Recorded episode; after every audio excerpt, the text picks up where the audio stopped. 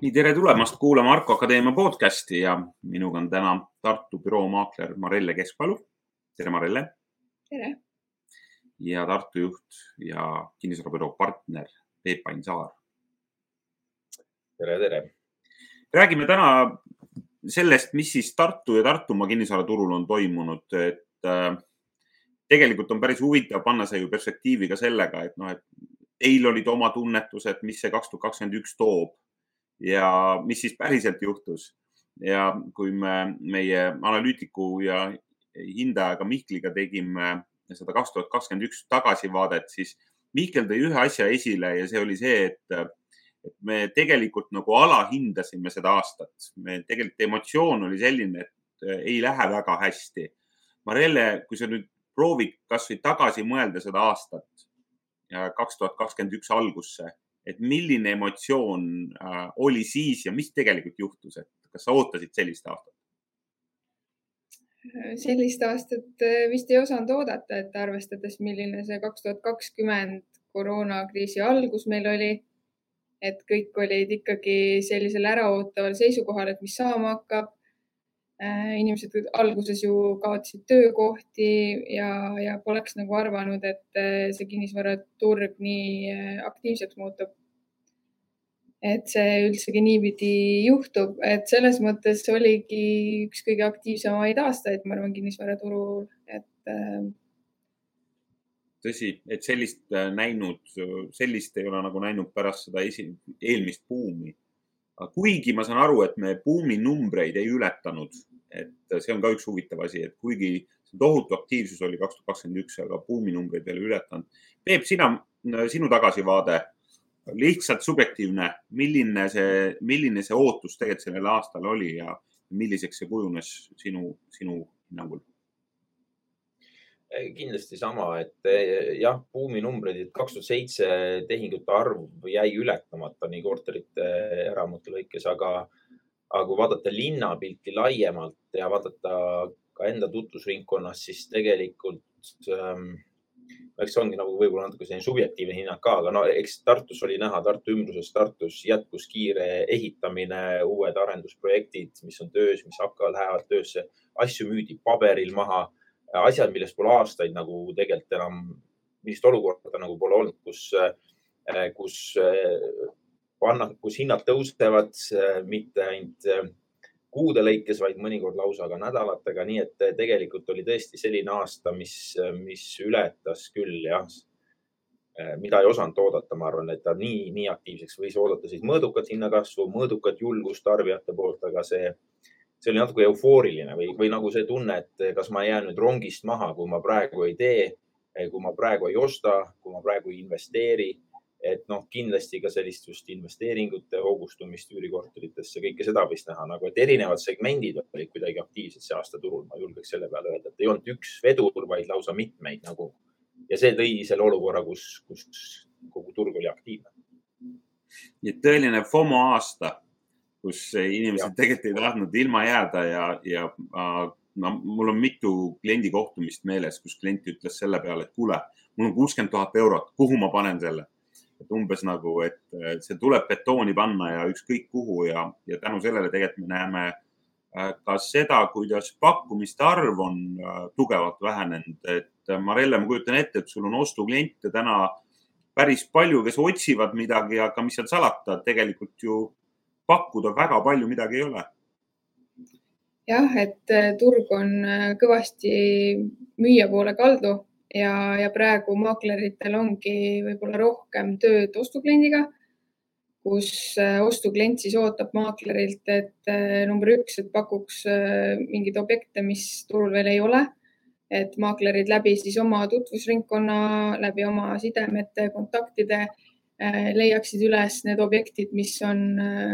lähikuudel siis turule saabumas ja teiseks, et äh, noh, et, et soovitaksegi siis saada ligi mitteavalikele pakkumistele. ja, ja teiseks äh, teine variant, et kui midagi on leitud, et siis küsitakse ka maakleri käest tihti nõu, et, et kui mõistlik see ost on, sellepärast et hinnad praegu muutuvadki nädalatega. et inimesed juba emotsiooni ajel enam ei saa aru, et kas on mõistlik sellist raha välja käia või mitte, et siis küsitakse maaklerite käest ka seda nõu, et, et kas tasub seda teha või, või pigem tuleks oodata. jah, ma kujutan ette, et täna saab tõesti maakler päris palju küsimusi, et on mõistlik täna osta või ei ole. Peep, kui sa sellise, me kohe vaatame veel tagasi natukene selle mõjule ja, ja Tartumaale, aga, aga kui me lihtsalt nagu praegu juba ette korraks piilume mis see, mis see tunnetus on Tartu ja Tartumaa kontekstis, et kas, kas selle hinnad veel jätkuvalt tõusevad, et kui täna ostja tõesti küsib, et kuule, kas ma nüüd natuke veel ootan või tegelikult osta ära seegi, mis on või mis see, mis see tunnetus täna Tartus on? no ma ei tea, siin ma räägin iseenda tunnetusest, mul on natukene selle aasta ees natukene hirm, ma ei tea, mis võib-olla kaks aastat on olnud sellised nagu natuke teistsugused kui prognoositud. Ehm, mhm. võib-olla lausa paremad isegi muidugi kui prognoositud ka, et ei olnud nii hullud ja veel parem, kui oskasime oodata, aga ma ei tea, see aasta nii palju muutuseid on meie ümber õhus ka praegu, et eks ta mingil moel, ma arvan, peegeldub ka kinnisvarasse. ma ei usu, et me mingisse suurte kriisi läheme, ma arvan, hinnatõusu aeglustumine mingi hetk tuleb kohe hoobilt hetkel mitte oleneb, kuidas energiahinnad jätkuvalt läheb, palju reaalset raha jääb inimestel. see ühtpidi võib-olla vähendab ostuotsuseid, aga teistpidi tegelikult on päris palju neid nii äripindades kui ka elamupindadel, kes soovivad, nähes oma hästi jõhkraid kommunaalarveid hetkel eh, optimeerida oma elamispendasid, viia need paremale kokkuhoidlikumale režiimile, nii et neil on tegelikult vaja jälle midagi uut osta. Eh, nii et selles mõttes ma arvan et see, sellel aastal me näeme, et teatud segmendis nõudlus väheneb, hinnad jäävad seisma, mis puudutab just nagu vanemat elamufondi võib-olla ja samas teatud energiaklassid, teatud noh, uusarendused ka Tartut vaadates siin selles mõttes nagu linna areng ju jätkub ja, ja ärilises mõttes ka tuleb juurde kõrgelt tasustatavaid töökohti. et, et mingis segmendis nõudlus püsib kindlasti hästi tugev ja müüakse jätkuvalt asju kiiresti ja paberil ka läbi selle aasta aga eks ta natuke makromajanduslikest asjadest sõltub meil, mis meil saama hakkab ja, ja, ja nii et, aga kindlasti ettevaatlikum tunne kui eelmise aasta algusest on praegu, ma arvan seesama, mis Mihkel oma analüüsis tõi välja, et me olime nagu oma emotsioonides väga volatiivsed, et me olime lihtsalt nagu tagasihoidlikud. siis mina esitasin sellise hüpoteetilise nagu küsimuse, et aga mõtle, kui me siis oleme nagu ka võib-olla liiga tagasihoidlikud äh, kaks tuhat kakskümmend kaks suhtes ja võib-olla see emotsioon on hoopis allapoole, nii et ei, ei, ei, ei tea. aga Marelle, äh, küsiks sinu käest seda, et Tartus analüütiku kohase, analüütiku info kohaselt siis valglinnastumine on jätkuvalt tugev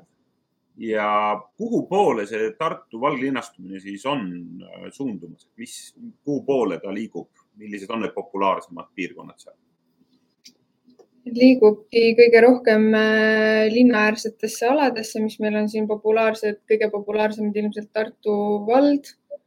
mis hakkabki juba linnaga kokku kasvama, Luunja vald, äh, Kambja vald, et, et selles mõttes liigutakse ootuses, et seal on natukene soodsam see kinnisvara ja, ja infrastruktuur ja kõik tuleb juba päris hästi järgi et äh, aga liigutakse ka päris palju siis väikeasumitesse, et linnast natuke kaugemale, et inimesed on nõus siis äh, sõitma hommikuti kauem tööle või panema, kulutama seda raha kütusele, aga nad saavad lihtsalt oluliselt odavamalt oma, oma kinnisvara kätte. jah, statistika kohaselt lausa turuaktiivsus kasvas sada seitse protsenti Luunja vallas Peep, mis seal Luunja vallas siis toimub, oled sa seal ise käinud viimati? no ma elan seal piiri peal ja ma tean enam-vähem, mis seal on. noh, eh, tegelikult eh, jah, eks numbrid näitavad ühte, aga tegelikult Tartu linn on väga strateegiliselt, no tegelikult me oleme vähenenud viimase kolme aasta jooksul üheksakümne seitsme, üheksakümne kaheksa tuhande pealt on ametlik rahvaarv vähenenud üheksakümne nelja peale on ju meil Tartus ja seda lähi, lähivaldade arvelt, kus on kasvanud rahvaarv aga tegelikult Tartu linna üks strateegilisi äh, arengusuundasid on, et luua ka tegelikult arendatavaid piirkondi linna sees. Ja seda pole suudetud, noh, no linna elanike vastasseisud ja nii edasi, linn on raskem leida muidugi suuri alasid, mida täis ehitada, aga, aga nii lisaks ma tooks välja, et okei okay,, Luunja vald seal areneb ihastest edasi sõites ja seal on ilusad piirkonnad, mida täis ehitada muidugi aga linn äh, väga, tekivad mingid uued arendused, siia juba on tekkinud see Annelinna ja Ihaste vahele, noh, mis on linna sees, on ju. Äh, tekivad no, Lõunakeskuse ümber jätkub arendustegevus, et ka linnas sees tegelikult ähm, luuakse elukoht et, et vältida kõike valglinastumisega kaasnevate maksutulude vähenemist ja nii edasi. aga, aga lisaks ka veel ütleks, Haaslava on muidugi selline piirkond, mis on teisel pool jõge, kui vaadata Luunja vallast, et siis teisel pool jõge on seal eramupiirkond, mis on Haaslava ja, ja, ja sinna ka ikka väga aktiivselt asju arendatakse ja tehakse ja ehitatakse, aga, aga ma ütlen nendega ikkagi on nii, et olgem ausad, nii Tartu valla kui ka Haaslava, seal infrastruktuur jõuab järgi ikkagi paari aasta jooksul, kui siiski. Et Tartu eripära on see, et siin Vana Raadi ja Sõjaväe linnaosad, et tegelikult maa, autoteid ei ole. ühendus juba, kui sa praegu ikka hommikutundidel tuled sealt äh, Narva maanteed mööda ja pead ootama kakskümmend minutit äh, liiklusummikus, noh, see Tartu mõttes on liiga palju. Äh, et siis, äh, et see paneb omad piirangud ette, kuigi Tartu vald väga strateegiliselt arendab, äh, loob võimalusi siin laste, lastele ja eakatele ja kõigile, et selles mõttes areng on, on jah, mitmekülgne siin piirkonnas küll ka. Marelle, mis, mis, mis on hinnad teinud, et see ilmselgelt on nagu üle Eesti tegelikult hinnad ju kasvanud ja ma kujutan ette, et kui valglinnastumine on olnud nii aktiivne seal Tartu vald ja Luunja vald, et siis tegelikult ega need hinnad ei ole ka puutumata jäänud, et ma kujutan ette, et tegelikult need, kes läksid jahtima seda soodsat hinda, täna ei pruugi enam seda lihtsalt saada, sest nõudlus lihtsalt on nii suur jah, kuna Tartus on ka uusarenduste maht äh, päris palju kasvanud, et siis seetõttu ka järelturu korterite hinnad tulevad järgi ja, ja ikkagi omanikud, müüjad soovivad püüda seda nagu kõige viimast hinda, mis vähegi võimalik. tihti ikkagi maaklerite ja hindajate jaoks tundub see nagu liiga kõrge hind, et eh, ütleme niimoodi, et siis eh, eksperthinnangute järgne turuväärtuse hind sageli ei, ei saa kokku selle küsitud hinnaga. Eh, see on, see on nagu väga tavapärane praegu ja, ja ongi olukord, et kas siis ostja maksab seda küsitud hinda ja maksab selle nii-öelda eksperthinnangu ja küsitud hinna vahe kinni, kui tal on need vahendid, mis on ka väga tavapärane praegu või siis äh, tal ei ole võimalik seda osta. et, et praegu ongi, inimesed ongi lihtsalt sellises seisus, et äh, võta või jäta. ehk siis, kui äh, analüütiku kohaselt, analüütika kohaselt, siis äh, kasvas linnas, kasvas mediaankeskmine korteri ruutmeetri hind kümme protsenti ja lähiümbruses kuus koma seitse. ehk siis tegelikult on päris korralik hinnatõus ja see oli loomulikult üle Eesti. Mitte küll sarnane, ühtemoodi igal pool, aga peamiselt siis kahes tõmbekeskuses, nii Tallinnas kui, kui ka Tartus uh,. kuidas Peep koroonakriis ja järsult kasvanud ehitushinnad on mõjutanud nagu Tartu uusarendusturgu, et uh, ega lõpuks selle hoone ülespanemine, ülesehitamine Tallinnas ja Tartus on ju sama kuluga, et võib-olla isegi kohati sõltub see rohkem siis infrast ka, et kuidas need ehitus, ehitustarvikud kohale jõuavad, eks. aga milline see koroonakriis ja, ja järsult kasvanud ehitushinnad on Tartu uusarendusturgu mõjutanud? jah, vaata, see on huvitav nagu väliselt vaadates nagu, nagu vaata, et ei olekski mõjutanud, vaid vastupidi, positiivselt andnud hoogu nagu kõigile juurde, et isegi hinnad tõusevad, ikka ostetakse asjad ära. paneme mingi asja püsti, äh, plakati eelmüügi ja, ja korterid läinud. et äh, tegelikult praegu on kuidagi tarbija olnud leplik, eks see ähm, kindlasti ta, siin on ka erinevad ehitajad, ka muidugi ka suurobjektid, mis Tartus ju ehitatakse, mis olid ennem ära seotud fikseeritud lepingutega. et seal nendes objektides muidugi ehitajatel on praegu raske, kus olid eh, juba fikshinnad paigas ja nii edasi ja nüüd toimus kori, no ühesõnaga hinnad tõusid ehitaja jaoks materjalide ja tööjõu näol ka. aga samas eh, praegu on, tundub, ma ise ka aeg-ajalt mõtlen, et kes meil siis Tartus siin on nüüd nii palju, et suudetakse osta sellise ruutmeetri hinnaga selliseid uusarendusi. et, et isegi paneb mõtlema, et, et see ei ole üldsegi nagu et noh, kui sa käid ikka nelisada viiskümmend tuhat välja korteri eest enda perele, nagu mu sõber praegu ostab endale ja oma väiksele lapsele ja abikaasale, et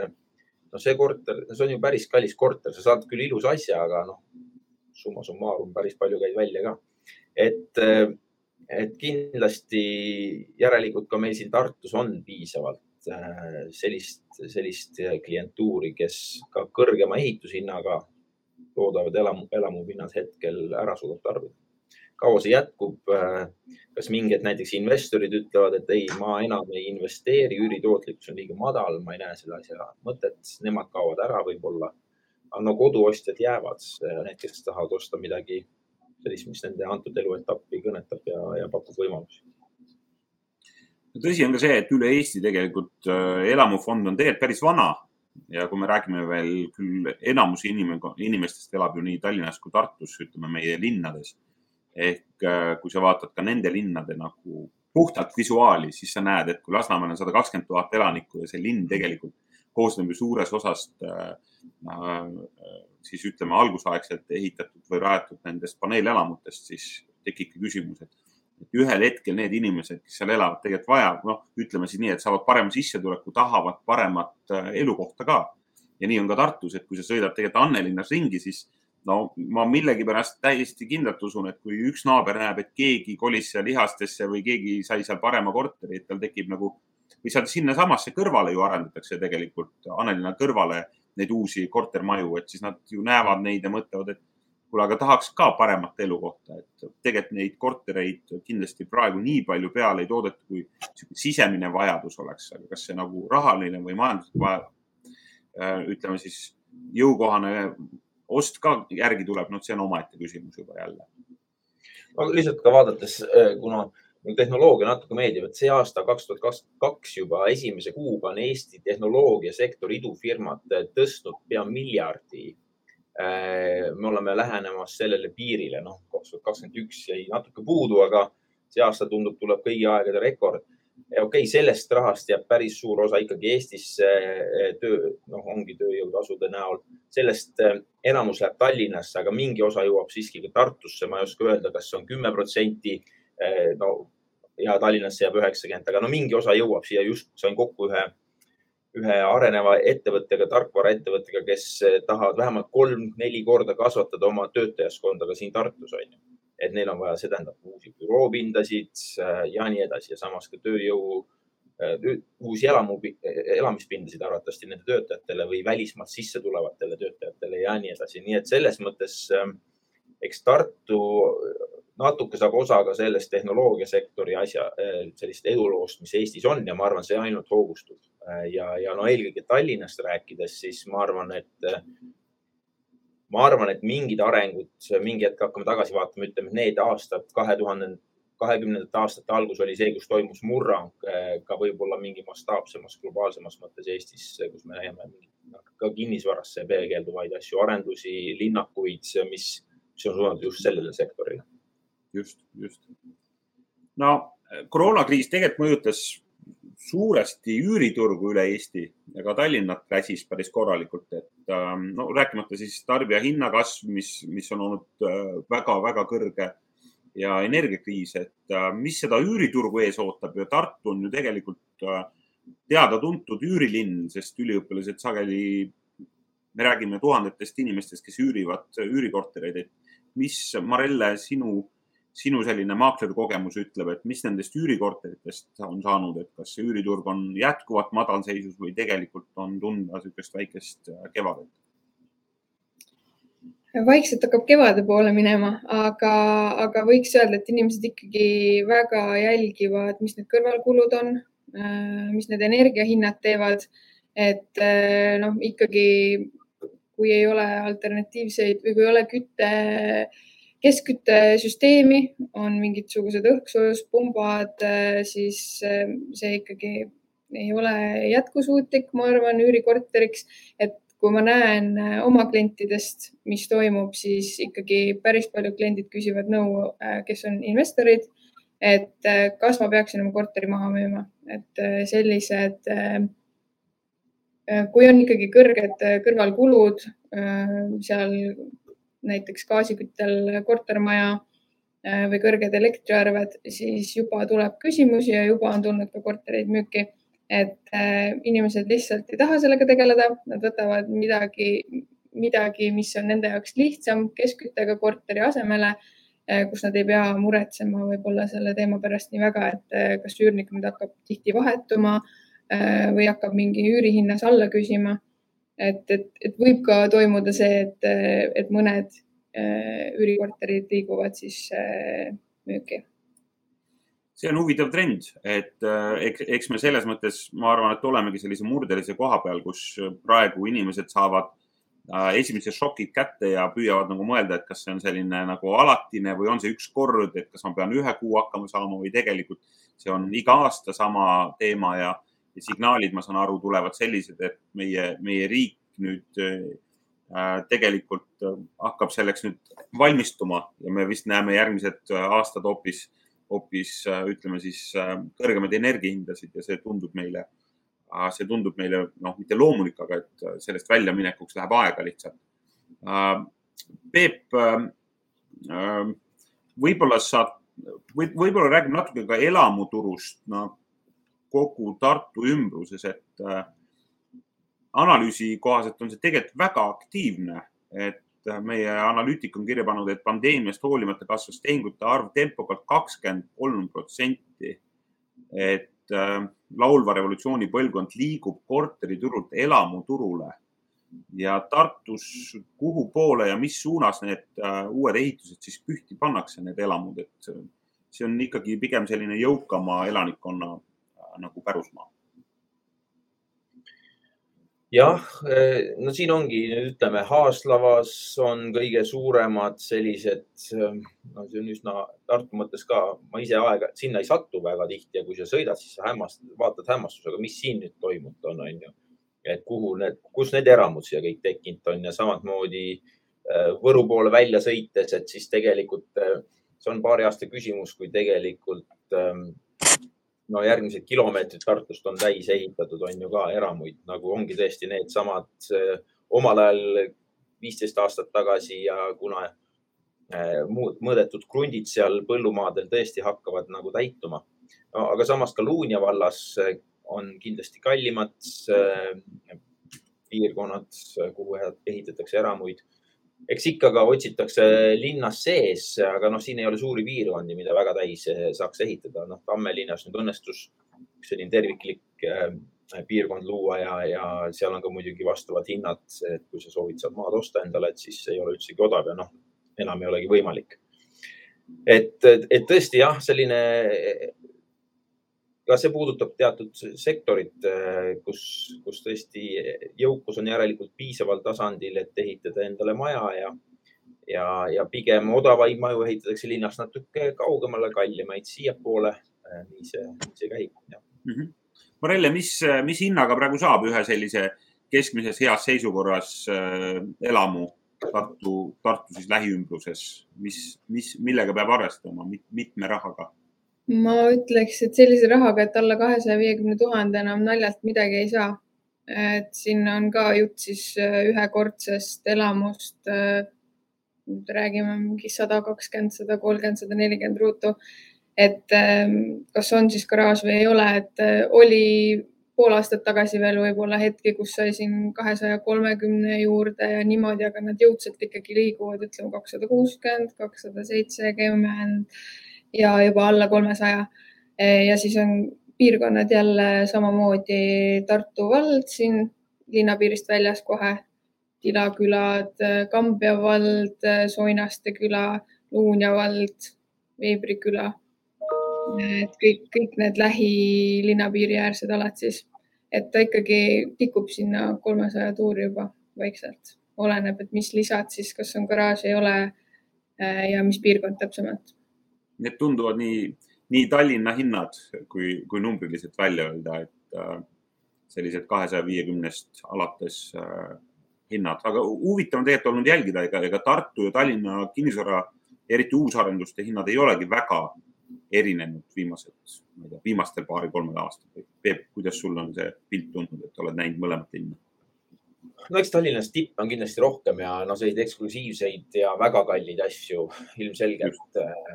noh, räägime kuuemeetristest lagedest ja sellist industriaalhoonet Tartus ju väga ei ole, mida ümber ehitatakse.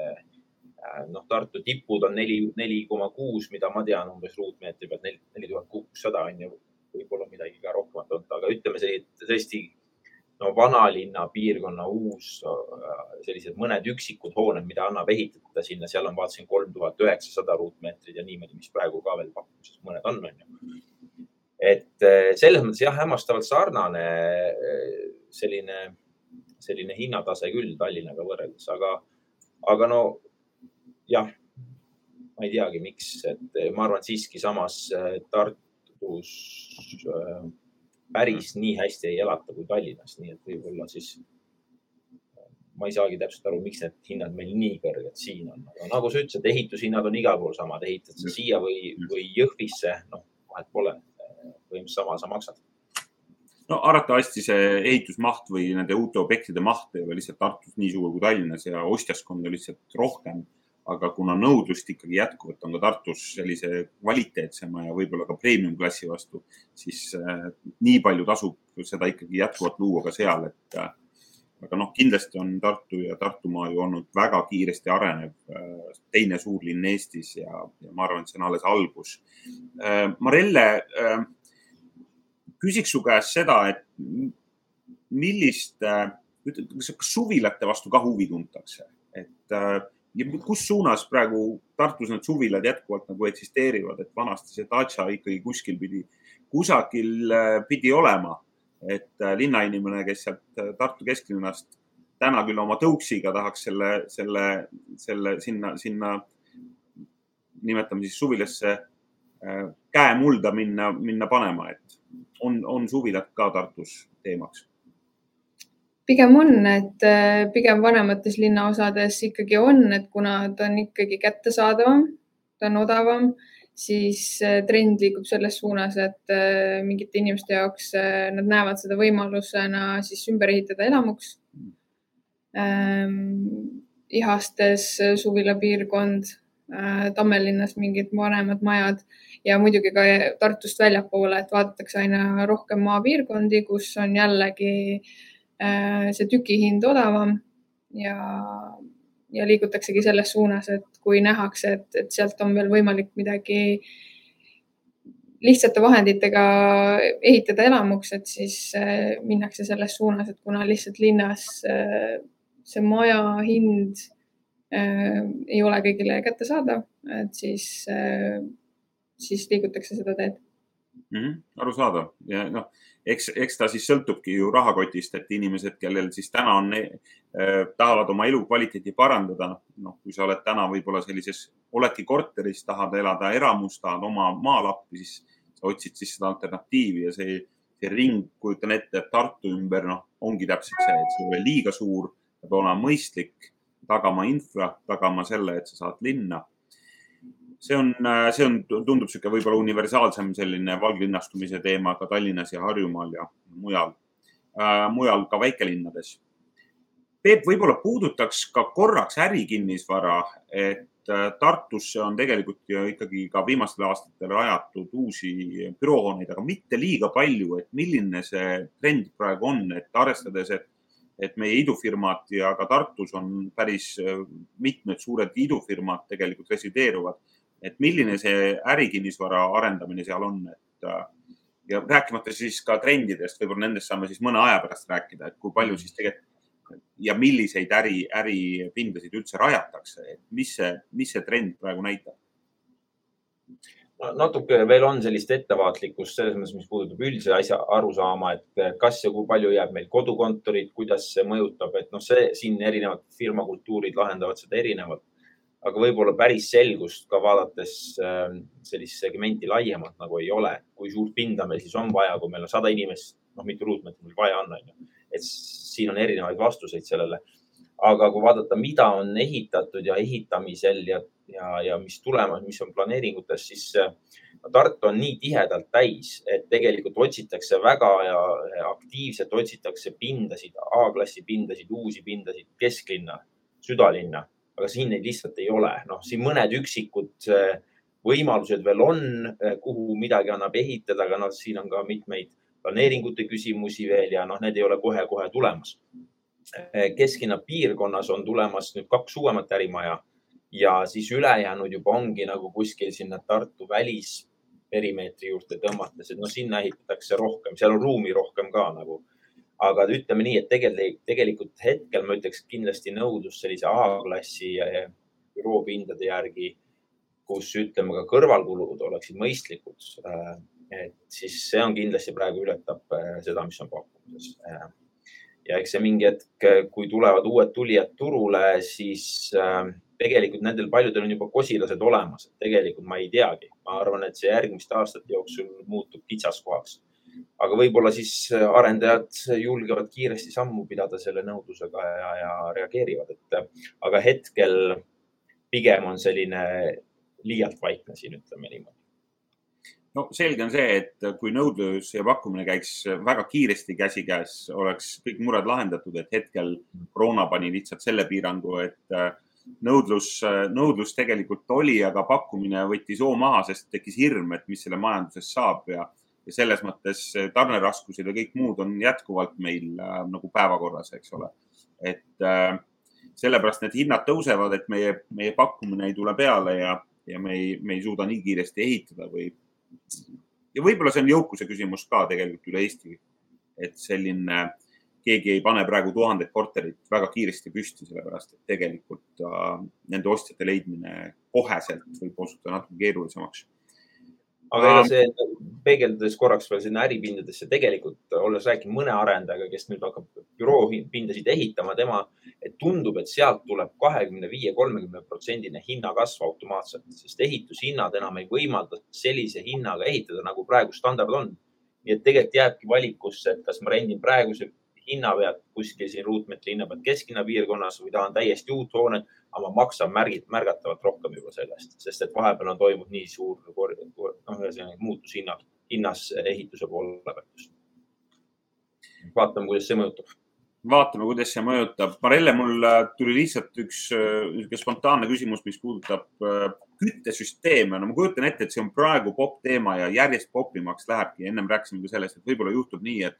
me vaatame natuke tagasi sellele ja, ja oleme tagantjärgi targad. aga kas juba praegu äh, on kuidagi nagu taju selle kohta, mis on need kõige populaarsemad küttesüsteemid, mida otsitakse? sa nimetasid, et mõned äh, kolivad äh, keskküttega majja ära, sest see kuidagi küte on nagu äh, tajutavam see kulu on tajutavam, aga kas, kas on praegu arusaama juba, et näe, kliendid helistavad, palun mulle ahjukütet, ükskõik millist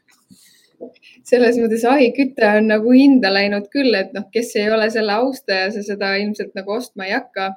aga selles mõttes äh, ütleme niimoodi, et huvi on tõusnud ähm,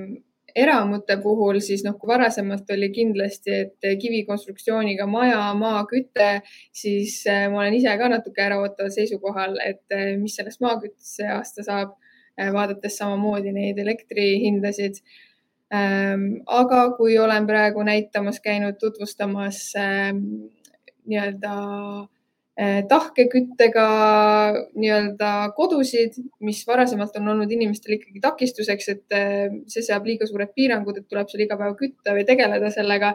siis äh, praegusel juhul on, olen olnud positiivselt üllatunud, et pigem see on olnud pluss. Et inimesed noh, on nagunii kodus, neil on kodukontorid, et siis nad võivad selle ahjudega seal jahmerdada ja tegeleda, et,